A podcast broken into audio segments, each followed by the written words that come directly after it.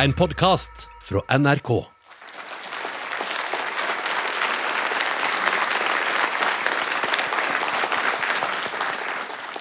Alle er enige om at et fritt demokrati er best, men likevel så er det stor strid rundt ytringsfrihetens grenser. Satire har blitt vanskelig, ja, kanskje livsfarlig. Amerikanske begreper som no platforming og woke har blitt en del av norsk dagligtale, og vi hører at folk trekker seg fra det offentlige ordskiftet fordi det er så mye hets og hat. Så da må vi spørre hva skal vi gjøre med det? Så velkommen til alle dere som er her, og til dere som hører på på P2 til dette folkemøtet om ytringsfrihet her i Bodø. For i tillegg til panelet som dere snart skal møte, så skal vi ha med noen innspill fra det mye omtalte folket. Lytring eies av Nord universitet og Nordlandsforskning. Jeg heter Anki Gerhardsen og er leder for Lytring, og jeg skal også lede kveldens diskusjon. Men la oss komme i gang. Og først, velkommen til deg, Kjetil Jacobsen, professor ved Nord universitet. Eh, og du er mer enn i snitt gjennomsnittet engasjert i det temaet vi skal ta opp her i kveld. Du har bl.a. skrevet en bok om ytringsfrihetens historie, og om den krisen du ser globalt.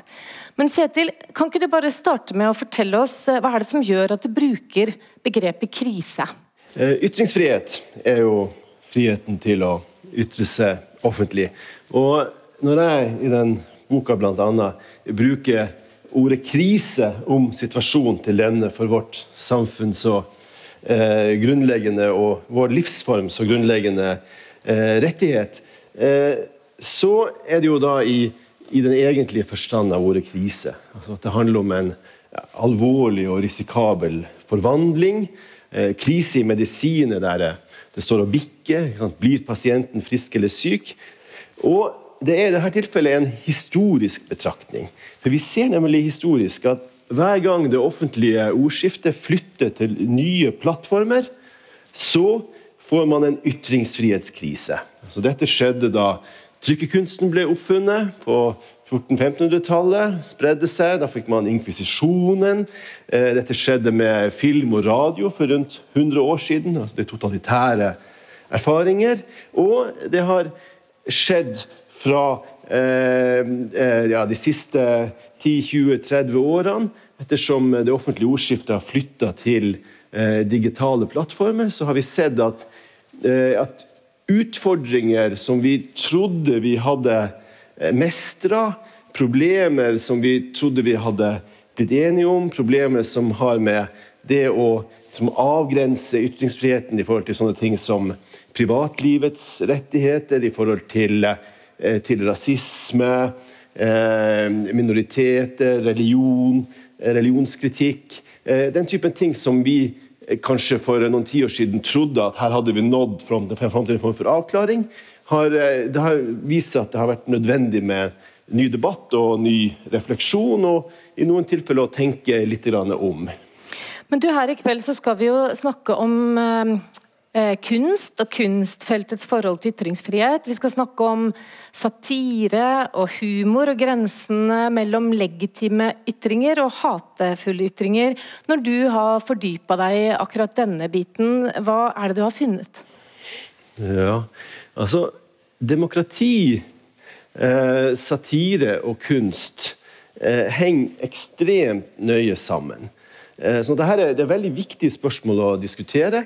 Fordi at eh, på den ene siden så satire og karikatur er på ingen måte uskyldig. Tenk på den antisemittiske eh, satiren, karikaturen, som eh, kan føre fram til, eh, til nazismen. Eh, Men på den annen side så er det et faktum at, eh, at karikaturen, satiren og demokratiet har samme opphav. altså Det oppstår samme sted, i samme kontekst. Altså det, er, det, er, den greske borger, det atenske demokrati. Eh, den politiske latteren den, den, oppstår med Aristofanes, med den, den klassiske greske komedien. Og det fins som er særlig lett å se i, i vestlig europeisk sammenheng, en ekstremt tett forbindelse mellom demokratiets framvekst og karikaturen og satirens utvikling. Og hvorfor gjør det det? Eh, jo, det er fordi at demokrati er jo også et teater. Demokrati er også en komedie. Altså, det er et sted der vi spiller roller. altså Helt vanlige mennesker eh, tar på seg opphøyde, mektige roller. Sånn blir minister, stortingsrepresentant, eh, utøver makt, eh, blir, forventer og blir adlyd. Og så, sant, så, eh, så ryker en forhandling, eller man taper et valg, og så reiser de hjem. Sant, og så blir da på nytt husmor i Bergen, eller, eller eh, eh fiske altså, ja, lakseoppdretter i Salten, eller eh, og, og, hvorfor gjør de det? Jo, det er fordi at det er altså Vi har en sånn selvinnsikt i forhold til dette teatret. Altså, vi har ironi i forhold til det. Eh, og det altså, hvis det ikke fantes satire, latter, kunstnerisk lek i demokratiet, ja, så tror jeg ikke at de som taper valget, ville gi fra seg makta frivillig. Okay, og da fungerer jo ikke demokratiet lenger. Vi må tulle med dem for at de skal trekke seg til slutt.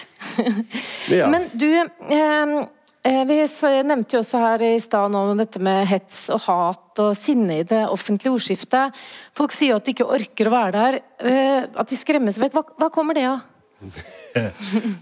For å ta det helt fra bunnen av, så eh, altså, I alle kulturer og alle samfunn så finnes det grovt sagt to slags fenomener. Og Det ene er de fenomenene som hører samfunnet til, og eh, som det står politisk strid om. Og Det andre er de fenomenene som hører naturen til. Eh, de siste forvaltes av religion og naturvitenskap, og er ikke noe, noe man krangler politisk om. Eh, det som har skjedd de siste tiårene, som er kanskje det viktigste som har skjedd, er at det blir stadig mindre natur og stadig mer politikk. Altså, Politikken handler ikke på samme måte som før, eller i samme grad, om sysselsetting, eh, eh, eh, marginalbeskatning og, og boligbygging. Den handler om hva slags klima skal vi ha? Hvordan skal været bli? Eh, hvordan bekjemper man pandemier? Eh, hva er en, hva er en mann? Og hva er en kvinne? Og, og, hvor går grensene mellom liv og død? Hvor mange kjønn finnes det? Eh, og for den saks skyld, hva er, en, hva, er en, same? Hva er en nordmann? Altså, dette er altså dype verdispørsmål, identitetspolitiske spørsmål, som opptar oss mer og mer. Og den typen spørsmål er det vanskeligere å å ha et tolerant, sivilisert, rolig ordskifte om enn de tradisjonelle interessekonfliktene. Eh, og sånn at eh, altså det, For å sette det litt på spissen altså Det fins eh, en fransk filosof som heter Ernest Renat, som har et berømt sitat der han sier at, at nasjonen er en, en daglig folkeavstemning. Altså Dypest sett er en nasjon ingenting annet enn en daglig folkeavstemning om hva staten skal være. Men demokratiet i dag er blitt en slags religionsstifting. Der vi eh, finner ut eh, hva slags natur vi ønsker oss, og der skaperguden slettes ikke hviler på den syvende dag. Og ja, så at denne, Disse her dype problemene, identitetspolitiske problemene som vi konfronteres om hele tida, gir opphav til et veldig dårlig debattklima på toppen. ikke sant? Tenk på amerikansk politikk fra de senere år. Det er klart at Når spørsmålet er, som velgerne stilles overfor, er ikke sant? skal USA fortsatt være et kristent land med en hvit majoritetsbefolkning, eller skal det være noe helt annet? Så, så får du et knallhardt ordskifte. Og det er selvfølgelig Når du går fra toppen, fra liksom Trump versus Biden, og, og utover i de digitale medier, så Eh, så er, det, så er det ofte enda hardere.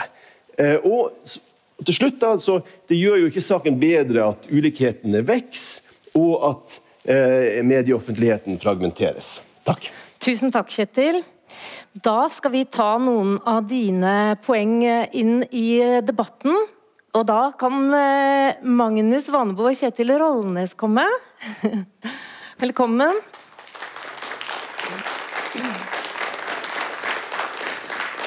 Vi har også med oss eh, noen digitalt. og Den første vi skal ha med inn, det er Sofia Rana. Eh, du er bystyremedlem i Oslo og leder Rødt sitt antirasistiske og minoritetspolitiske utvalg. Krise sier eh, Kjetil Jacobsen, men du er mer tilbøyelig til å mene at krisen er noe som skravleklassen har konstruert for å ha noe å bekymre seg over. Hva, hva er det som gjør at du har så lave skuldre på eh, ytringsfrihetens vegne? Eh, altså, Skravleklassen er der mangel, i mangel på et be bedre begrep at jeg bare brukte det. Det er sikkert noe finere som kan brukes, men uh, jeg mener at Eh, jeg syns ikke ytringsfriheten er truet, og jeg syns amerikanske tilstander, at vi har fått det i landet vårt, det er en eh, oppkonstruert problemstilling, egentlig, av eh, de som deltar i den offentlige debatten i avisspaltene. Og så er jo altså cancel culture det er en politisk konstruert myte. Det er en forlenging av, et, det er forlenging av begrepet politisk korrekt. Ja, det er en retorisk strategi som rett og slett er funnet opp på amerikansk høyreside for å svarte motstandere. Og det at man får kritikk og får svar på tiltale når man ytrer en mening, er ikke det samme som å være knebla eller å bli hetsa. Eh, hvis ikke det er ordentlig hets, da. Og det klarer man, og de fleste klarer på en måte å skille mellom, eh, mellom saklig kritikk og hets. Men du, eh, hvis vi nå tar tak i eh, et av de andre poengene til Kjetil Jacobsen. Kampen har gått fra å dreie seg på en måte om interesser, da, marginalbeskatning f.eks., til å dreie seg om verdier, identitetspolitikk eh, bl.a. Er, er du med på at Klassekampen har fått en begrepsmessig konkurrent? Altså, jeg er tilhenger av at Klassekampen både skal være feministisk og antirasistisk. og Hvis man skal ha med seg, hvis man skal mobilisere en arbeiderklasse som er multikulturell, så, må man, så er man nødt til å ta til seg eh, litt andre måter å tenke på. Eh, og da nytter det på en måte ikke å altså, altså ting endrer seg jo, og det skjønner de fleste. Og så er det dette med identitetspolitikk. altså Hvem er det som egentlig bruker disse begrepene høyest og på en måte steiler mest da, når, når disse blir introdusert? Det, det er jo høyresida veldig ofte, da, opplever jeg, og sentrum. Eh, og så er det sånn at vi på venstresida som faktisk driver med politikk, vi klarer å tenke to tanker i hodet på en gang. De fleste av oss, i hvert fall. Men når det hele handler i så stor grad om identitet, da blir det jo også fort veldig personlig. Man legger liksom seg selv i potten i enhver debatt. Eh, hvilke utfordringer ser du med det? Ja, altså Jeg kan se at det, det kan være en utfordring hvis Men altså, nei, altså jeg syns at det, det at man eh, breier ut rommet og inkluderer flere stemmer og folk som har andre Man kan ikke komme bort fra at eh, noen f.eks. har eh, Hvis man tilhører arbeiderklassen og i tillegg er skeiv og, eh, eh, og har muslimsk bakgrunn, da møter du andre typer utfordringer enn en, som tilhører den typiske arbeiderklassen, da, om du vil. Den tradisjonelle. Så jeg syns at det Altså protestene mot det syns jeg er litt problematisk. Mm. Mm.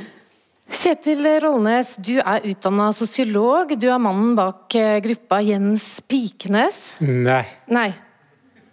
Ok, la det ligge. Men enda flere kjenner deg i hvert fall som en, skarp, en skarpskodd samfunnsdebattant. Uh, mine ja. damer. Ja. Uh, og så sitter du i Ytringsfrihetskommisjonen, det gjør for så vidt jeg også. Uh, men du, hva er din oppfatning av krisen? Også det skiftet fra interessekonflikt til verdi Eh, konflikt som din navnebror eh, Kjetil ja. Jacobsen skisserer. Jeg syns jo min navnebror egentlig sa veldig lite om hvordan den krisen faktisk spiller seg ut. Det blir liksom som en påstand. Og det ble knyttet til framveksten av nye medier. og det er jo helt riktig at Hver gang det kommer et nytt medium, så er alle veldig veldig engstelige for hva det bringer med seg. Eh, så spørsmålet er jo, er den krisen bare en, en, en oppfatning av en krise, eller er det en reell krise? Og jeg mener jo at altså Noe jeg ofte savner, er jo at folk altså folk inntar denne, denne kulturpessimistiske holdningen veldig lett. Det er skummelt med sosiale medier. Det er hard tone, og det er eh, ekkokammer. og det er, det er mye sånn gnål og sytring over sosiale medier, særlig. Istedenfor at man kan si at ja, det er en del problemer knyttet til det. Men hallo, for en fantastisk utvikling det også er! For en enorm demokratisering av ordskifter som eh, sosiale medier har brakt med seg. Altså, Informasjonsfriheten har blitt veldig mye større altså med den digitale revolusjonen. Det er mye, mange flere kilder å hente informasjon fra. Eh, ytringsfriheten har økt i det forstand at det er altså, mange flere folk eh, som kan delta. Uh, mange flere typer av folk som kan delta. og hvem er det, hva er det slags type folk som vi ikke så så mye i debatten den gang man skrev lesebrev til lokalaviser? det er yngre folk som deltar nå mye mer enn for. Yngre folk. Kvinner deltar mer. Eh, minoriteter deltar mer. Muslimer deltar mer. Eh, det er flere typer muslimer som deltar nå enn før. Spol tilbake til uh, Salman Rushdie-saken, f.eks., som jo kom lenge før de digitale plattformene som, som um, Kjetil uh, snakket om. ikke sant? Viser at den, disse religionskonfliktene oppsto før, uh, før, det. Hvem var det som snakket på vegne av muslimer da? Det var, det var mørke som nesten ikke kunne snakke norsk. Men er du bekymra for denne men, altså, for fullføre, hvis du, hvis, du, slår på, på, på, på de sidene som heter Si det i Aftenposten, så er det ofte unge muslimske jenter som kan si veldig interessante og, og bra ting fra forskjellige ståsteder. Altså, det, det, er noe altså, veldig positivt her som jeg syns blir lite, uh, lite trukket fram i debatten. Det blir for mye for mye negativitet og for mye, for mye svartmaling, rett og slett. Fint. Ok. Um, Magnus Vanebo, velkommen hit. Jeg tror dette er uh, kanskje den første paneldebatten i livet ditt. du er student ved Kunsthøgskolen i Oslo Um, og Det er derfor vi har det her. Um, for De siste månedene så har uh, Kunsthøgskolen som du um, går på, fått veldig mye oppmerksomhet nettopp relatert til ytringsfrihetstema. Og Jeg skal straks gi en sånn kort uh, om en liten skisse av den konflikten der.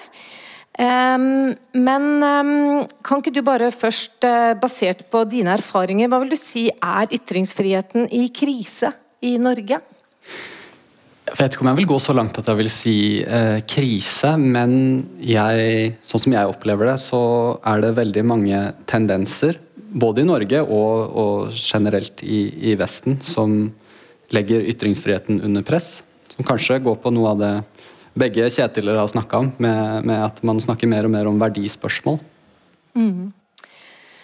Kunsthøgskolen i Oslo eh, er preget av en dyp og alvorlig konflikt mellom antirasister og dem som protesterer.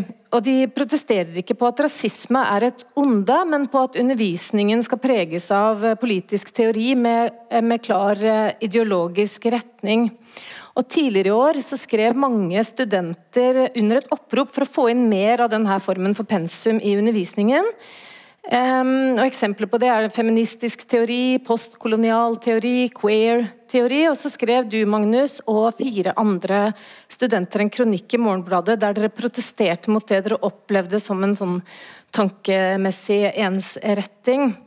Og I etterkant så har vi som befinner oss på utsiden og leser om dere, um, sett at det har vært trakassering, vi har lest om trusler, om planlagte debatter som har blitt avlyst fordi at det har blitt vurdert at f.eks. din sikkerhet ikke har vært god nok.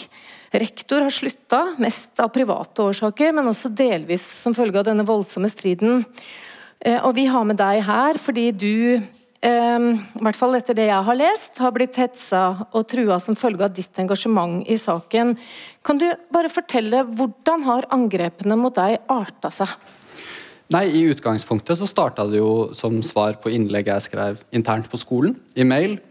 Eh, og istedenfor, eh, slik jeg opplever det, da, istedenfor å møte meg med eh, skikkelig debatteknikk, så begynte man heller å gå på mine, mine kunstneriske kanaler, f.eks. Instagram, mine virtuelle visningsrom, hvor man da masserapporterte kontoen min, prøvde å få den sletta, prøvde å fikk flere enkelte kunstverk sletta, sånn at jeg ikke får måte, vist de fram noe lenger.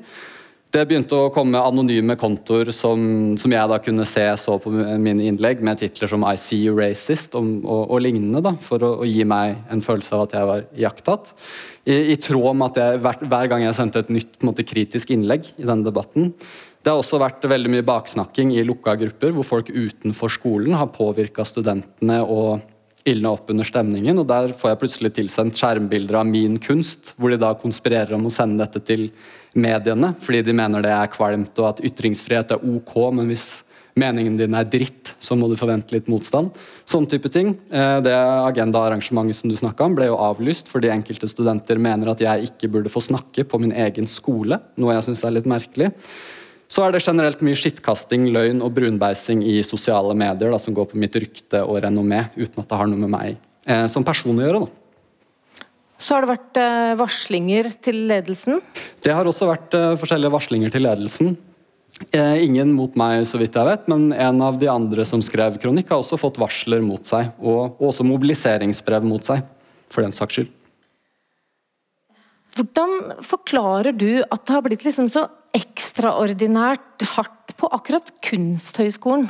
Nei, Det er jo litt sånn kontraintuitivt på mange måter. vil jeg si. Kunsthøgskolen skal egentlig være, og akademi generelt skal jo være et sted for fri utveksling av ideer. Og Kunsthøgskolen burde jo være et sted for fri utveksling av kunstneriske uttrykk. Jeg vet ikke akkurat hvorfor det har blitt sånn, men noen faktorer som jeg tror er gjeldende, er jo for det første at kunst- og kultur-Norge på mange måter er ganske politisk vridd. Uh, Ut ifra det jeg har lest av Fritt Ord, har gjort noen undersøkelser på selvsensur. Eh, hvor, hvor, jeg oppfatter det sånn at veldig mange kunstnere har, eh, er redde for å trå feil, både med kunsten i lager, men også uttale seg generelt.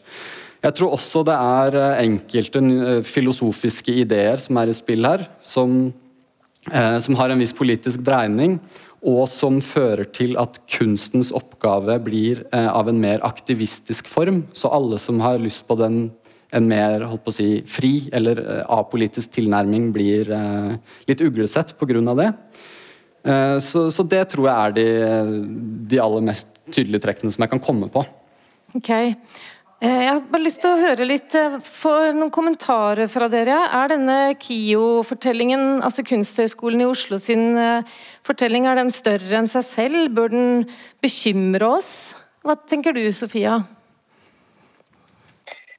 Jeg tror at, eh, For det første så vil jeg si at det er kjempesynd at du har opplevd det du har opplevd. Eh, det er det ingen som skal oppleve i eh, samfunnsdebatten eller på et studiested eller noe som helst. Da. Men jeg vil også legge til at det der opplever antirasister ukentlig. Og det er et problem. Og det, det syns jeg vi bør adressere i større grad. At det har blitt så røft at folk liksom ikke ja, at det går utover sikkerheten til folk, det, det, er et kjempeproblem. Men uh, jeg uh, tror at media er en del av uh, problemet her. Media unngår nyanser og bør ta sin del av ansvaret for å drive opp konfliktnivået. Når det, denne saken ble dekket, så var det veldig steile fronter, og det var veldig, veldig, ja, veldig lite, lite nyanserte dekninger av hva som foregikk. Eh, men så vil jeg også så er det eh, altså det at eh, noen studenter vil ha flere innspill fra bredere, fra f.eks. skeiv bevegelse, antirasisme osv. Det er jo jeg tenker jo umiddelbart at det er positivt. Og hvis man ikke vil ta del i det, så er jo det opp til den enkelte. Ehm, tenker jeg. Men uh, uten at det skal være måte noen grunn til at noen skal bli trakassert. Da, bare så det er sagt. Så, um, ja, jeg jeg, syns det på en måte er en videreføring av det uh, Ronnes var inne på, om at uh, ytringsrommet faktisk har uh, blitt utvida. Mm. Mm. mm. Bare kort spørsmål til deg før vi slipper inn vår neste um, paneldeltaker, Kjetil. Her brukes jo varsler og rapportering til Instagram med et aktivt arbeid for å få eh, ja, en student eh, støtt ut, eller for å få en konto sletta. hva tenker du om en sånn bruk av det vi kan kalle for varslingsinstituttet? er det det man bruker? Uh, nei, altså, Jeg mener jo at dette her er, er knyttet til uh, rett og slett framveksten av en ny totalitær tenkning blant uh, noen sjikt uh, i f.eks. undervisningsinstitusjoner, som vi har sett i USA. Utvikle seg over lang tid. Jeg har vært skildret i masse bøker, bl.a. 'The Coddling of the American Mind', som jeg herved anbefaler. Og de greiene her har nå kommet til Norge. Og de har kommet via direkte teoriimport. Det er ikke sånn at man sitter på denne skolen og opplever rasisme, og så går man til uh, hopper man på barrikadene. Man leser teori og styrer hele verdensbildet gjennom denne teorien, som er så uh, fjern fra virkeligheten at det noen ganger er fullstendig absurd når man leser det og tenker at er det virkelig noen som tror på dette her? Men når til og med rektor på skolen tror på det og sier i intervju med Aftenposten at Hele det norske samfunnet er gjennomstyret av rasisme. Det gjelder også kulturinstitusjonene og vår skole. Dette er hva vi jobber med. Altså, det er bare snakk om en tese som må erkjennes, en skyld man må ta på seg, uten at noen en gang har tatt på seg bryet med å dokumentere en eneste tilfelle av rasistisk, eh, et, et, rasistisk behandling f.eks. av en elev på skolen. Ok. Um, vi har med oss Adele Matheson Mestad. Velkommen uh, gjennom skjermen, Adele. Tusen takk. Du er jurist og direktør for Norges senter for menneske, institusjon for menneskerettigheter, og du er også medlem av Ytringsfrihetskommisjonen. Og Vi har deg med her i kveld som en som ordner i de juridiske spørsmålene. Vårt eh, eget orakel i Delfi, i hvert fall i Oslo. Hvor vil du si, Hvordan denne pila eh, for ytringsfrihetens posisjon, hvilken vei peker den liksom, på en graf som skiller mellom stadig bedre og stadig verre? Nei, jeg tror at Når man skal snakke om ytringsfrihet, så må man først begynne med å si noe om hva man legger i det ordet. Fordi For meg som jurist som jobber med menneskerettigheter, så er ytringsfriheten en menneskerettighet som beskytter individene mot inngrep fra staten. Altså Vi som borgere skal kunne mene veldig mye uten at staten griper inn. Og når staten griper inn i menneskerettighetene eller ytringsfriheten, så gjør den jo det gjennom bruk av straff og sensur osv som har liksom vært totalitære regimers yndlingsvåpen opp gjennom alle tider. og Det er jo derfor ytringsfrihetsvernet er så viktig, fordi det er et viktig beskyttelse mot eh, overgrep fra statens side. og Bygger jo da på tre sånne eh, sentrale begrunnelser. At vi mennesker vi blir til i møte med andre, det er den individuelle begrunnelsen. Og så er det to kollektive. Det ene er at et samfunn hele tiden flyttes framover gjennom prosessen sannhetssøken. Og For at det skal kunne skje, så må ytringsrommet være så stort som mulig. fordi Vi vet aldri i sanntid hva som er en nyvinning og hva som er en dum tanke. Derfor må ytringsrommet være stort. Og Demokratiet vårt er helt avhengig av ytringsfrihet for at vi skal kunne vite hva vi skal stemme på. basically. Og Det er liksom store samfunnsverdier som ytringsfriheten er bærer av.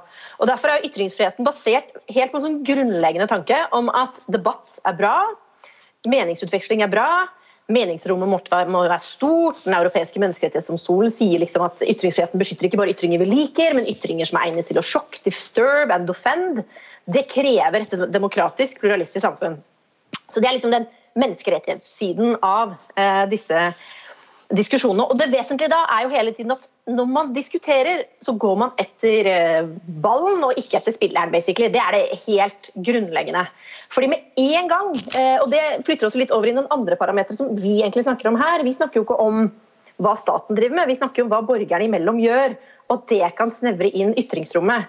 Fordi I den pilaren som heter forholdet mellom stat og borger, så står det jo bra til med ytringsfriheten. Altså Norge tråner jo øverst for femte år på rad eller sånn, i sånn freedom of speech-kåringer, rule of law-kåringer, alle mulige kåringer, hvor man kan liksom definere hvordan er ytringsfriheten i et samfunn.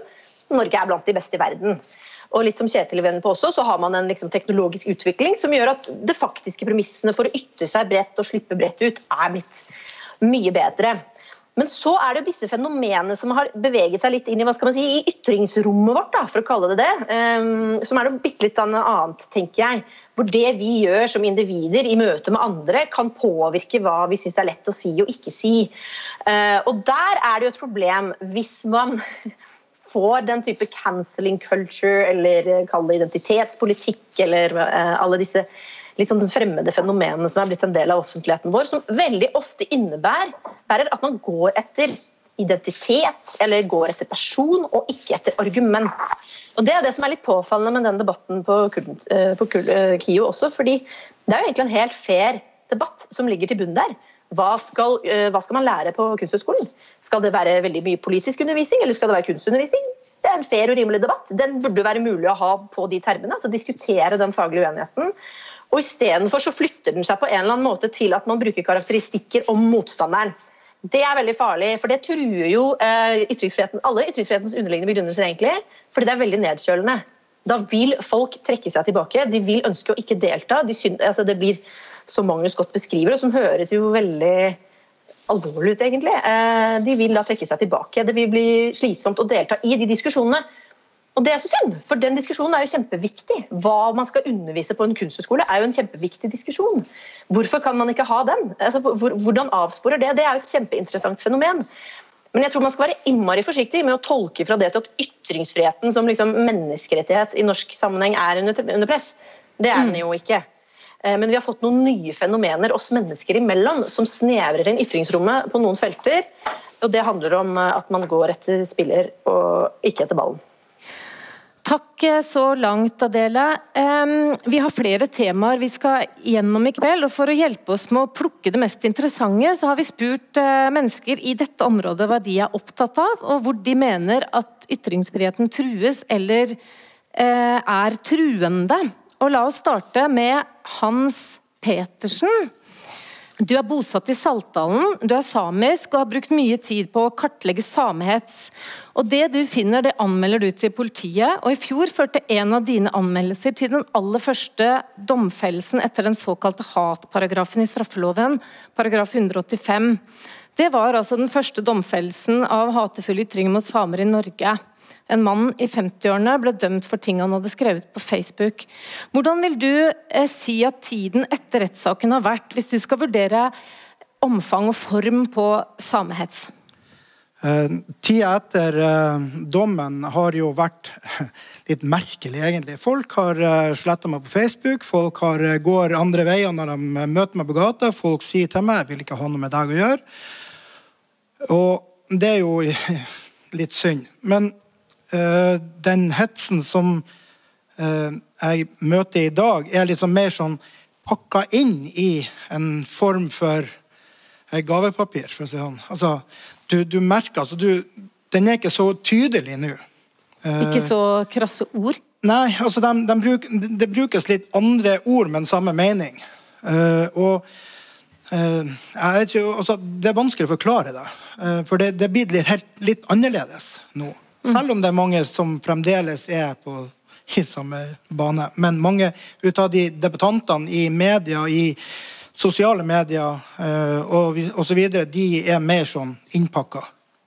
Mener det samme, men har funnet en måte å formulere seg på som gjør at det ikke blir domfelt? Eh, ja, domfelt og domfelt. Det er jo en uh, det blir vel litt sånn den juridiske eh, definisjonen blir litt annerledes. Men du, Når du sier juridisk definisjon, altså paragraf 185 i straffeloven Før sa vi rasismeparagrafen, men hatparagrafen er kanskje et mer dekkende navn. Er, det, er den loven god nok, sånn som du ser det? Den er veldig uklar. Eh, den gir jo rom for spekulasjoner, gir rom for uh, til den som da mottar en, en, bekymringsmelding, for å kalle det for det, gir rom for liksom mer sånn definisjon av hva dette er for noe. Litt sånn mer sånn hvitt og bredt. Eh, så vidt meg bekjent så er det ingen ren definisjon av en hatefull ytring i dag. Eh, det fins jo egentlig ikke noe internasjonal definisjon på det. Dessverre. Vi, vi, tar den rett til Adele, som jo er jurist. Eh, altså, du hører at Hans eh, Petersen savner en tydeligere definisjon. Hva tenker du om denne loven? Er den tydelig nok? Altså, Den er jo som veldig mange lovbestemmelser sånn at den må tolkes. Altså, Du kan ikke lese deg helt klart frem ut fra å bare lese ordlyden i loven for å forstå hva den betyr. Men det er viktig å si om den bestemmelsen. Vi, vi sa i stad at vi har vid ytringsfrihet, men den er ikke absolutt. Det er en del ytringer som er straffbare. Straffelovens 185 er en av for så vidt flere eh, straffebud vi har som kriminaliserer ytringer ut fra litt ulike begrunnelser. Og denne bestemmelsen har som formål å beskytte minoritetsgrupper for, mot det hat som kan spre seg i befolkningen hvis uh, beskyttede grupper utsettes for for mye hets, med bakgrunn egentlig i annen verdenskrig. Og er også en gjennomføring av eh, rasediskrimineringskonvensjonens krav om at den type ytringer skal være straffbare. Uh, og så er dette en bestemmelse som når man leser den kanskje kan være litt vanskelig å få grep om, men hvis man ser på de ganske mange dommene som har vært oppe i Høyesterett uh, og definert det innholdet flere ganger, så er det ganske godt kartlagt i rettspraksis. Da. Og I jussens verden så er det sånn at man må, man må tolke innholdet i en lovbestemmelse ved hjelp av flere kilder. Og det som da er situasjonen er at Det er ikke alle mulige slags hets som er straffbart hatefullt. Det må være kvalifisert krenkende. altså det er Nettopp fordi at det ikke skal trå ytringsfriheten for nært. Og så må det jo ramme da noen av disse gruppene som er beskyttet, som har et minoritetsvern. Det vil jo typisk være enten på grunnlag av hudfarge, etnisitet, livssyn, homofil orientering eller nedsatt funksjonsevne. Du må tilhøre en av de gruppene, og ytringen må være fremsatt fordi du tilhører den gruppen. Så må det være fremtatt i offentligheten eller, i, eh, eller ved at noen andre hører på det. Ehm, og eh, så disse tersklene for hva det innebærer, er jo ganske tydelige i rettspraksis. Men så er det en ting som gjør det litt mer komplisert. og det er at Hvis eh, jeg slår Sofia, så vil alle skjønne at jeg slår henne. Altså, Man vil se dette er et slag, dette er en voldshandling. Men for å vite om en ytring er straffbar eller ikke, så må du tolke ytringen. Du må skjønne hva blir lagt i den ytringen ut fra hva en vanlig menneske ville tolke ytringen som. Du må se på kontekst. Du må se på liksom sammenhengen ytringen ble framsatt i. Så det er litt vanskeligere å tolke seg fram til om en ytring er straffbar eller ikke. Så Det er egentlig det som gjør eh, diskusjonene om straffbare ytringer vanskeligere enn andre type, en spørsmål om andre typer handlinger er straffbare, fordi du må tolke ytringen. Og Særlig på kunstfeltet for eksempel, så vil det være veldig vanskelig. ikke sant? Fordi det ofte er en dobbeltbunn i noen ytringer, som du må da, og det er jo det som gjør at, at eh, at de diskusjonene blir vanskeligere. Da. Så jeg, jeg, jeg, skjønner veldig godt at folk syns at den bestemmelsen er litt krevende, både fordi man må bruke flere kilder for å forstå den, og fordi tolking av ytringer er, er vanskelig. Da. Um, Sofia, um, hva slags hat er farlig og hva slags hat er stusslig? Det blir på en måte det vi snakker litt om nå. Er du bekymra for at det er et sånn klasseperspektiv her? At det er de ressurssvake med dårlige sosioøkonomiske vilkår som blir tatt, mens de ideologisk farlige, som skjønner litt mer av hvordan det er smart å formulere seg, de slipper unna? Ja, og det er en diskusjon som vi kunne brukt ganske mye tid på, egentlig. Men eh, det er eh, Ja, det er jo klart det er lettere å gå etter de som eh, ikke er like ressurssterke og ikke er i like god stand til å på en måte argumentere like nyansert hvis de har oppfatninger om ting. da. Men ja, det er den der gråsonen mellom ytringer og Eller sjikanerende ytringer og hatefulle ytringer. Det er en kjempestor utfordring. Eh, også for å kunne anmelde noen. Altså Hvis man skulle eh, anmeldt faktiske eh, rasistiske episoder som folk opplever, så hadde politiet vært nedlessa med saker. For det, det, skjer hele tiden. Så man må nesten gå med bodycam for å kunne dokumentere noe som helst. Så det, det, det er én ting. Og så og så er det Ja, det er eh, Jeg syns det er eh, en utfordring at eh, organisasjoner som er uttalt rasistiske, at dem, det er vanskelig å ta dem. Men noen som sitter på nett og skriver ting jeg, jeg, sier ikke at det ikke er viktig at vi ikke tar tak i det heller. Hvis noen omtaler noe som en kakerlakk eller kommer med en drapstrussel basert på at noen har en hudfarge eller en annen hudfarge, det skal vi ta på alvor og det skal vi ta tak i uansett. For det, sånn skal vi ikke. Vi skal ikke ha et ordskifte som er sånn, uansett. Så det, det eh, Men eh, ja, det er eh, lettere å slippe unna for ressurssterke folk. Det er det definitivt. Og så har de på en måte en litt annen forutsetning for å ta sånne kamper i en eventuell rettssak også. Mm. Så ja. Og så kan jeg ja, ok. Magnus, um, mange har jo stempla deg som rasist etter dine protester. Um, som vi snakket om i stad. Hva tenker du om faren for at uh, denne loven her kjølner ned ytringsrommet? Nei, at den kjøler ned ytringsrommet, det har jeg uh, stor tro på. Det er i hvert fall Det virker som eh, veldig mange, i hvert fall på Kunsthøgskolen, og uavhengig av hvor de står eh, i, i, i den diskusjonen om det faglige og det politiske innholdet, eh, at alle sammen mener det. det altså sånn, eh, de som har gått hardt imot meg, går jo hardt imot meg fordi, fordi, jeg tror i hvert fall de mener at jeg legitimerer en eller annen ting som de en eller annen struktur, eller en, altså er symbolet på en eller annen ting som de i utgangspunktet føler seg truet av. Og Da blir det også veldig enkelt å projisere disse tingene på meg som person, uavhengig av hva jeg stemmer politisk, eller uavhengig av hvem jeg er. De fleste menneskene som sier sånne ting mot meg, kjenner meg ikke engang, så det er åpenbart at det er eh, det er, det er kanskje noe som folk eh, bredt over føler på, da, generelt. Og at det kanskje ledsages av denne ganske harde eh, retorikken som oppstår. Vil du kommentere, Kjetil? Ja, og altså, jeg synes jo det, altså En ting er sånne ekstreme tilfeller som du snakker om. Men uh, jeg synes det er kanskje et poeng å, å, være klar over at den effekten du har opplevd, opplever jo mange flere i, i, altså, i, i mildere form. På, på, på større arenaer. Altså, uh, jeg og flere andre som debatterer på, på Facebook, som, som sier ting som en del andre ikke liker. Uh, gjerne identitetspolitiske folk på venstresiden. Altså, vi får jo ofte høre fra altså, for, personlige meldinger fra mail fra folk som sier at jeg er veldig enig med deg, men uh, jeg vil ikke si det så høyt, fordi da får jeg problemer på jobben.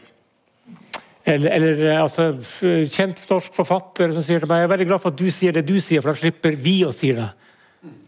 Uh, og det er, det er så forbausende mange som jeg, som jeg, tror man skal være klar over. for Det, det har vært litt, litt, sånn snakk i det siste om at ja, nå har det omtrent blitt politisk korrekt å være islamofob og sånn. Altså, det er ikke sånn det oppleves av mange. Fortsatt er det mange som opplever et sterkt ubehag ved å ytre seg innvandringskritisk, islamkritisk, av, av vanlige folk. Som, eh, som, gjerne skulle ha sagt noe de ikke ønsker å si fordi det blir for ubehagelig i deres eget nærmiljø, på jobben osv. Så, videre. så da lar de heller være å si noe. Så Den type selvsensur er et reelt fenomen, og det har også vært forskningsmessig eh, belagt. Av, uh, ja, det har vært forsket på i Norge.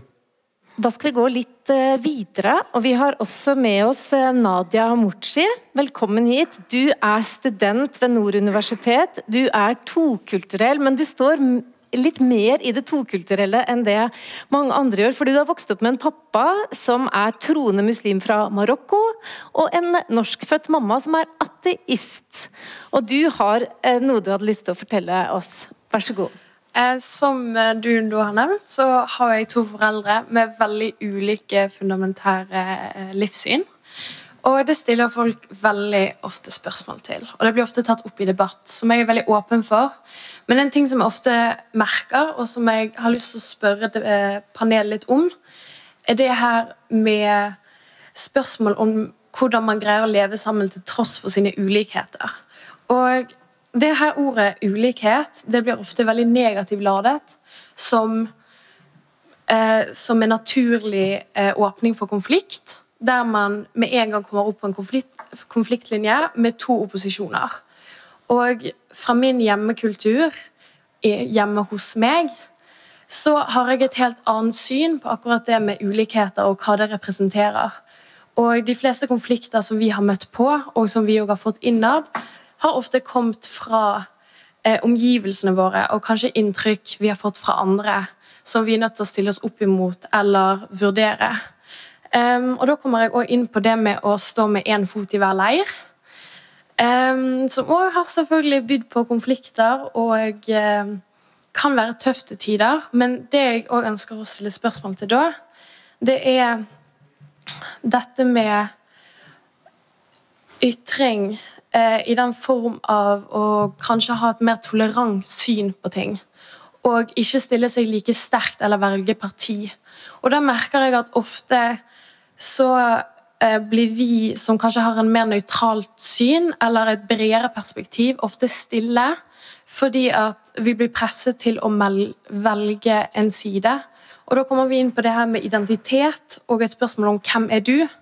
Og at folk ofte ønsker å plassere deg, eller at du gir dem et konkret svar. Fordi at de ikke greier å forstå uten at du velger side. Enten er du med oss, eller så er du mot oss. Riktig. Takk skal du ha, Nadia. Har du lyst til å kommentere, Kjetil? Uh, Opplever du at, eh, at, det sånn, at, det er det som preger ordskiftet? At man må Enten er man med, eller så er man mot? Uh, ja, altså det er jo et sånn um, tenk, Man tenker altså i, i termer av identitet, og man tenker i form av sånne meningspakker. Du skal mene, Mener du A, så skal du også mene B og C osv. Men, men, men altså, en ting som bare, som bare slo meg litt i stad i forhold til i forhold til det du har opplevd, er jo disse der egentlig himmelstormende paradokser.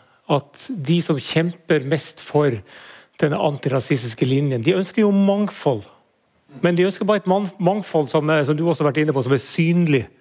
Kjønn, eh, rase, uh, alder eventuelt. sånt. Uh, men de ønsker ikke et mangfold i meninger. Det er jo egentlig det helt, man, man, burde jo tenke fullstendig motsatt.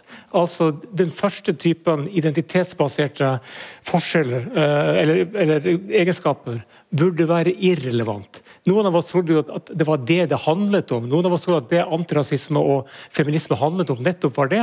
Og at vi da skulle bli opptatt av hva, hva slags type er du ellers? Hvilken personlighet har du? Hvilke politiske oppfatninger har du? Osv. Sofia, eh, hva tenker du om det poenget som Nadia trekker fram her? Altså En slags bønn om å få slippe å tilhøre en av leirene, men å få lov å switche imellom og ha et uh, nyansert syn på ting. Hvordan uh, kan dere bidra til det? Du sitter jo som leder for et sånn Ja, på en måte et mangfoldsutvalg. Mm, ja, Det er jo sånne diskusjoner vi har internt i vårt parti også. og jeg syns absolutt det skal være rom for det. At man ikke nødvendigvis trenger å tilhøre en såkalt leir. Det jeg Det er noe som jeg tror er veldig synlig på sosiale medier, og som nødvendigvis ikke er Eh, like relevant i det virkelige liv. Eh, jeg forstår at eh, jeg forstår, altså jeg har jo selv vokst opp i to kulturer, og det er jo noen som mener at enten så må det være det, eller så må det være det. Det er ikke sånn det funker. Det er, det er nyanser oppi, oppi, her også som man må ta hensyn til, og det syns jeg absolutt kan overføres i den offentlige debatten. At man ikke nødvendigvis alltid trenger Så det hender jo en gang i hvert skuddår at jeg f.eks. er enig med Sylvi Listhaug. Det, det, skjer jo det også. Men ja, Det var litt, eh, litt, satt på spissen, da. Men ja, jeg er enig i at det eh, man skal kunne eh, nyansere litt mer der, uten at man nødvendigvis må ta en side hele tiden. Det, det kan fort bli, fort bli det ødelegger en del av den offentlige debatten. Og så vil jeg også bare kommentere videre på det der med at Eh, det Ronnes sa om at eh, antirasister ønsker mangfold, men ikke meningsmangfold. Men altså, antirasister kan ikke kneble noen. altså det at antirasister svarer, til, eh, svarer, når noen skriver et eller annet da, som kan oppfattes av noen som f.eks. Eh, rasistisk, da, bare for å sette det på spissen, så er ikke det sånn at man mener at den personen ikke skal uttale seg i det hele tatt det er jo et meningsmangfold når vedkommende har kommet med en uttalelse og får svar. ikke sant? Det er jo, altså, Antirasister har ikke makt til å, til å, styre hvem som skal skrive i aviser eller hvem som skal uttale seg og delta i debatter. Antirasister har makt til å si hva de syns om de meningene. Det har de. Ok, tiden flyr her, og vi har en til fra folket som har lyst til å si noe til oss. Det er Kjersti Severinsen. Nå har vi snakket om religion og det å være i to kulturer. og da er jo veien kort til karikaturer, satire, humor og krenkelser. Og Kjersti, du er lærer ved Bodø videregående skole, men du driver også med humor, både som skuespiller og tekstforfatter.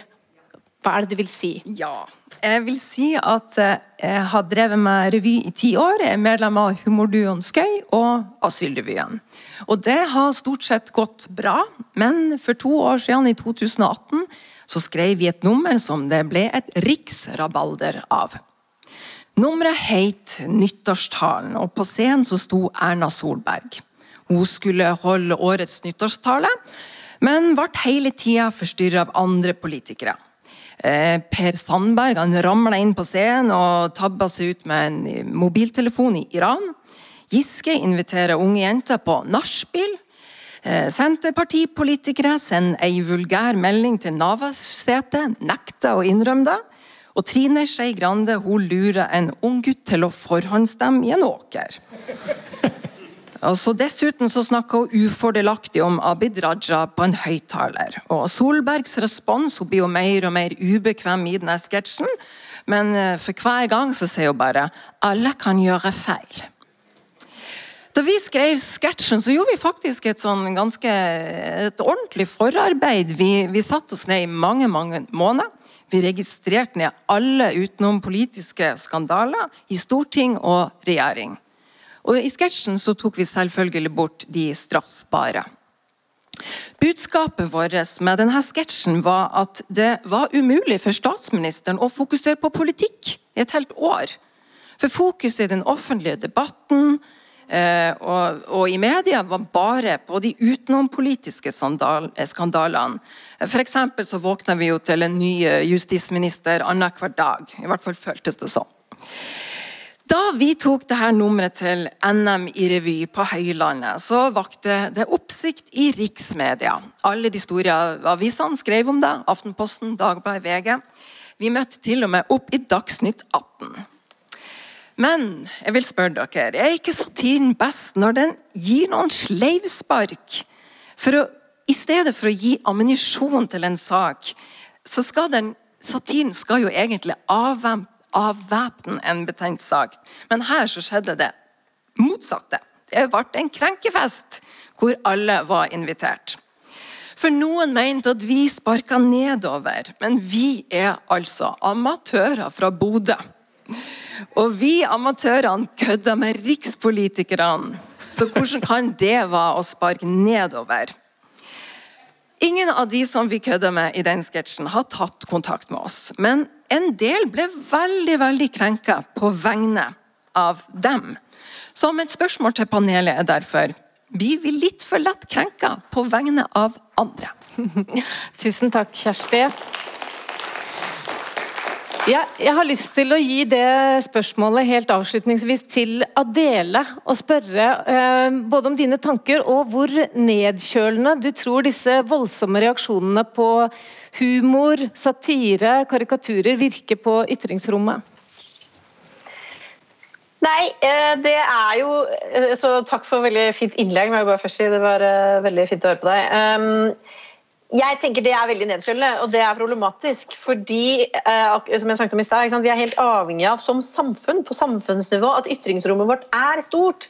Og at eh, ikke minst man innenfor kunstens verden og humorens verden og sånn, at det er et rom for å prøve og feile. Altså Hvis man hele tiden krever at du på en måte skal treffe innenfor et eller annet type rom hele tiden med både kunst og humor, så snevrer man inn det rommet voldsomt. Og vi vet jo opp gjennom historien at veldig mye hva skal man si, frigjørende fenomener har skjedd bl.a. ved hjelp av satire, ved hjelp av humor og ved hjelp av kunst.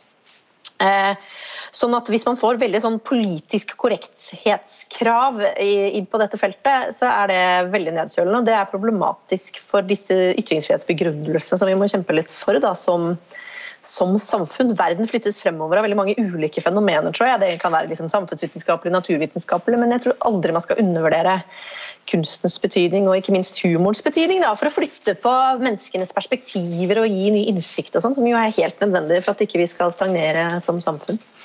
Så Derfor er jo amatørteater og amatørrevy også viktig. Eh, det er også viktig eh, å forsvare på, med ytringsfrihetsammunisjon, egentlig. Tusen takk, Adele. Tusen takk til Kjetil Rollnes og til Magnus Vanebo og Sofie Rana for denne debatten. Det var det vi rakk for i dag.